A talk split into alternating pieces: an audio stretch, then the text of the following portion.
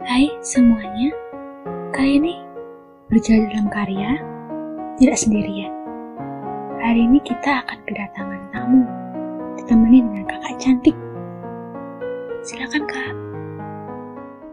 Halo semua teman-teman setia dari Jelajah Karya. Namaku Mega Novalina Gasper, saat ini berkuliah di Universitas Negeri Malang dan satu program studi dengan salah satu perempuan dengan sejuta cerita. Ya siapa lagi kalau bukan yang mengajak aku berkolaborasi dalam cerita ini. Terima kasih ya Tiara sudah diajak untuk membagikan cerita-cerita kepada pendengar setia. Wah, keren ya.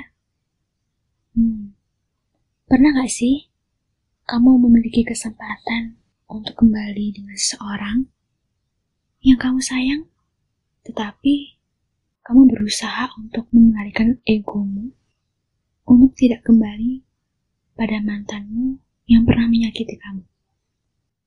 Menurut Kak Mega nih, gimana? Hmm, coba aku ingat-ingat dulu. Sepertinya pernah, tapi mungkin saat masih SMP atau SMA sih.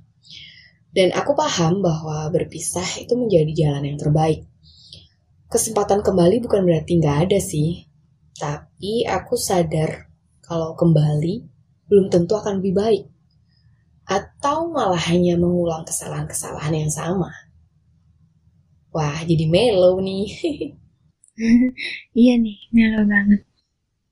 Oke, cerita request dari Mbak dengan inisial S ini cocok buat kamu. Berjelajah dalam karya, berjudul Kebahagiaan yang Sama.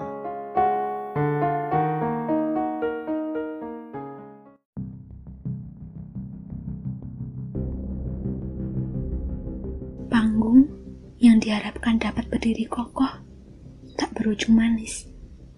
Penampilan yang mengharapkan ribuan teriakan pujian, kini tergantikan dengan teriakan kesakitan. Semua orang menyingkir dan membelah kerumunan manusia di depan panggung menjadi dua. Petugas keamanan yang siap sedia langsung mengajukan tandu dan menggotong beberapa anak yang terluka dalam kejadian itu. Alfa, iya. Ia adalah salah satu korban dalam kecelakaan itu. Kakinya yang tertimpa besi mengakibatkan langkahnya pincang. Rintian kesakitan muncul tanpa henti dari mulutnya. Suasana kericuan ini tidak didengar oleh Renata. Dia sibuk membagikan tiket masuk pada pengunjung yang menampilkan antrian yang sangat panjang di depan matanya itu. Tangannya yang awalnya berusaha tenang mengatur tiket-tiket yang ada di meja itu, kini terpaksa bergerak dengan sangat cepat. Tentu saja, hal ini bukanlah hal yang baik untuk Renata. Tak jarang, ia merasakan kepalanya yang pusing dan matanya yang perlahan buram. Ren, kamu gak apa-apa? Tanya Vania yang terlihat cemas pada keadaan Renata. Ya kerasa pusing sedikit sih, tapi udah mendingan kok. Ucap Renata dengan nada lemas. Kamu harus beristirahat dulu. Aku yang akan menggantikan tugasmu. Kamu serius, Van, mau gantiin tugasku? Tentu saja. Kamu sudah bekerja keras, Ren. Hmm, maaf ya jadi repotin kamu. Oh iya, aku mau beli minuman dulu di dalam ya. Terima kasih loh Van, kamu udah mau bantuin aku. Vania menggantikan posisi Renata dan mulai menangani pengunjung-pengunjung yang tidak sabar untuk masuk. Renata berusaha kuat dengan tetap fokus menuju sebuah stand minuman. Saat ia sudah berada di depan stand tersebut, ia melihat seorang perempuan yang meringkuk ketakutan di balik stand tersebut. Mbak, mbak kenapa? Tanya Renata yang berusaha masuk ke dalam stand. Aduh, kecelakaan itu mengerikan, Pak. Aduh, saya saya sampai ke trauma karena melihat dengan mata kepala saya sendiri. Hah? Kecelakaan? Kecelakaan apa? Uh, beberapa detik yang lalu, panggung itu roboh, Mbak. Oh, ada beberapa orang terluka. Beberapa orang dibawa ke rumah sakit, dan sebagian dibawa ke UKS. Kecelakaan? Saya nggak tahu apa-apa soal ini, Mbak. Ya ampun. Teriak Renata sembari terkejut. Alfa, entah mengapa lelaki itu kembali hadir dalam benak Renata. Iya, Alfa adalah salah satu orang yang pernah menghabiskan waktu bersamanya dalam sebuah hubungan asmara. Namun, umur hubungan mereka tidak lama. Waktu yang tidak merestui membuat lelaki bernama Alfa itu berpaling darinya. Tentu saja, ia berpaling pada perempuan yang memiliki banyak kehebatan yang tidak Renata punya. Bintang merawat diri, glowing, dan mahir merebut hati seorang lelaki itu. Renata yang hanya bisa menunggu dan memberi kabar nyatanya tidak berhasil membuat Alfa mempertahankannya. Perlahan, Renata melangkah menuju UKS. Benar saja, ia menemukan Alfa di sana. Ia sedang dirawat oleh seorang perempuan baru yang hadir dalam kehidupannya. Aku seneng banget bisa lihat kamu baik-baik aja. Ucap Renata sembari mengajukan senyuman pahit. Setelah selesai memuaskan rasa penasarannya, Renata kembali mencari beberapa minuman dan makanan yang bisa mengisi perutnya yang terus bernyanyi fals itu. Setelah selesai mendapatkannya, ia memilih tempat duduk yang tidak jauh dari stand tempat ia membeli makanan dan minuman itu.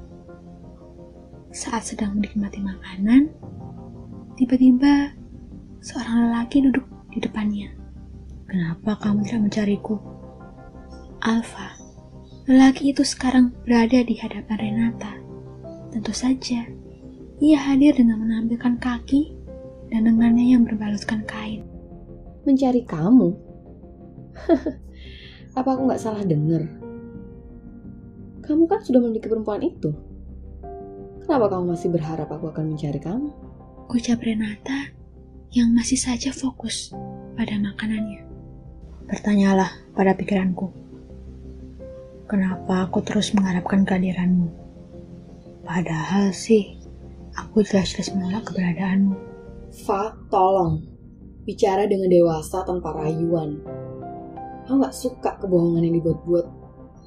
Kamu pasti mengerti kan maksudku? Hei, aku juga tidak suka berbicara romantis pada wanita. Lalu, kenapa kamu berterus terang? Apakah berterus terang sama dengan rayuan? Tidak. Hmm, jika memang bukan sebagai pasangan, apa aku tidak boleh mengharapkan perhatianmu? Kamu pasti tahu jawabannya. Tentu saja tidak. Itu hanya akan melukai perempuan itu, Fa. Tolong pahami situasi ini. Kita sudah sama-sama dewasa, kan? Aku tahu, Ren. Aku terlalu cepat memutuskan sesuatu. Hingga pada akhirnya, ya, Aku menyesal. Perkataan Alfa yang terdengar menarik membuat Renata menghentikan suapannya. Ia melihat arah telunjuk Alfa yang menampilkan perempuan yang Alfa idam-idamkan itu kini sedang berjalan dengan pria lain. Bagaimana kamu bisa mengetahui semua ini? Tanya Renata sembari memasukkan suapan terakhirnya. Entahlah, aku mudah sekali memergoki mereka. Semudah aku membalikkan telapak tanganku. Renata tersenyum, sembari mengemasi piring-piring kotornya. Suasana gala dinner yang awalnya terdengar mengerikan, kini sudah terlihat normal. Alfa terus menghabiskan waktu dengan berjalan di samping Renata. Ia juga membantunya mengurus beberapa tiket di meja registrasi yang tersisa. Pengunjung yang sudah mulai tidak terlihat membuat Renata bisa mengembuskan nafasnya dengan keras.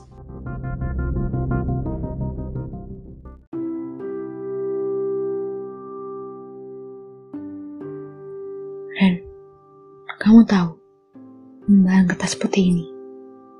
Mungkin kertas ini sekilas memang terlihat bersih. Tetapi nyatanya, lihat, Terdapat banyak sekali coretan tipis yang terlihat di sana. Tidak hanya satu, tetapi banyak coretan. Aku rasa ia berusaha menghapus coretan itu, tetapi tidak bisa. Apa aku benar? Renata tersenyum. Ia memang berusaha untuk menghapus coretan-coretan itu agar tidak terlihat.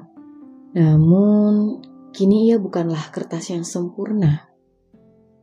Ia telah robek Sekuat apa pun kamu berusaha merekatkan kertas itu, dia nggak bakal bisa utuh lagi, Fa.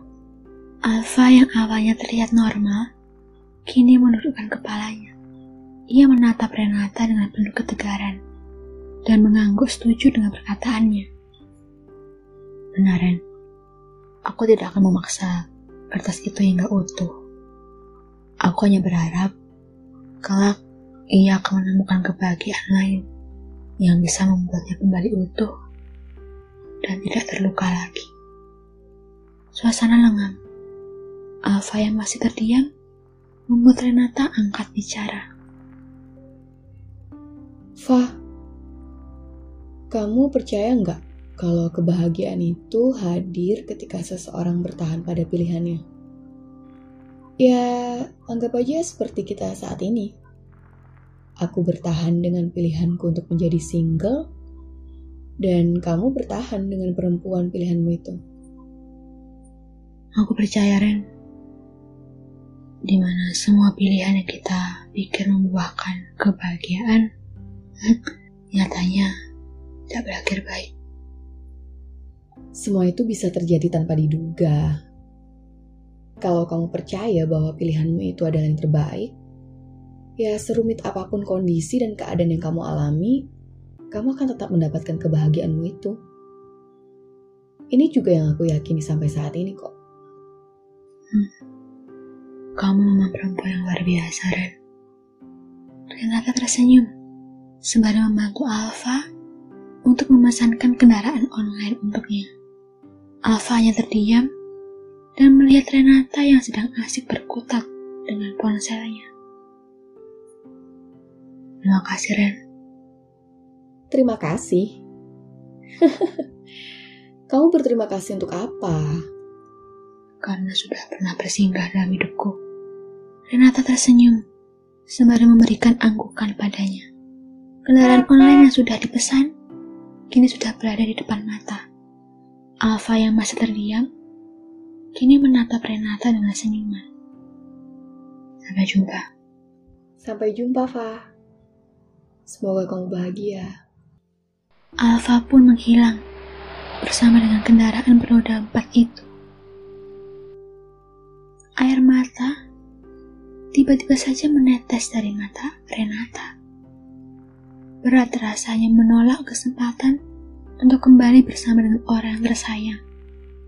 Namun, itu tidak menjamin Renata akan mendapatkan kebahagiaan yang sama seperti ketika ia memilih untuk berdiri seorang diri. Kini, perjalanan sunyi memberikan kelegaan pada Renata. Raga Alfa yang perlahan menghilang dan tidak menuai pertemuan dengannya membuat ia sadar bahwa kebahagiaan bukan hanya berasal dari lelaki yang ia cinta, tetapi juga dari orang-orang di sekitarnya.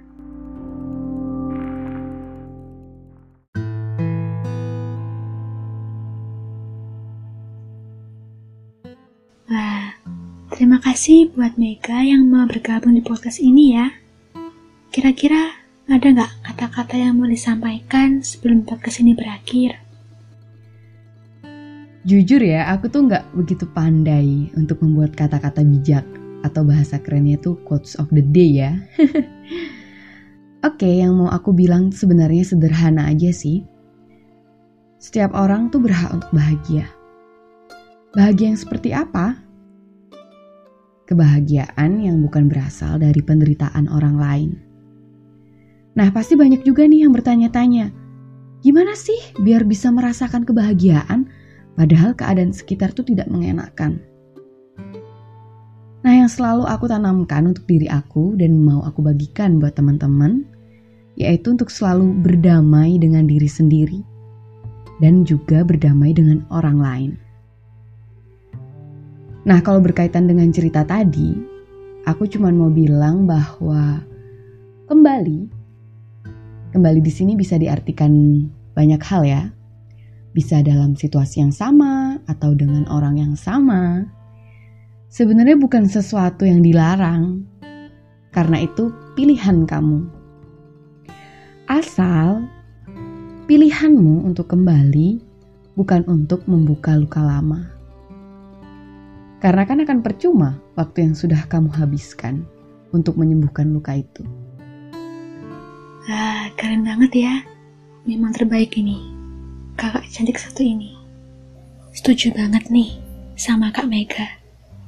Di mana kebahagiaan itu adalah pilihan dan tidak terukur. Bagikan kebahagiaanmu itu pada orang lain. Namun, jangan lupa untuk tetap berhati-hati agar kebahagiaanmu itu tidak menyakiti orang lain, seperti yang dilakukan Alfa dalam cerita ini. Karena keegoisanmu itu bisa menjadi sebuah senjata yang bisa menghancurkan orang lain yang tidak bersalah. Sekali lagi terima kasih ya Mega. Semoga bisa collab di episode lain. Oke, sampai jumpa semuanya. Jangan lupa tersenyum.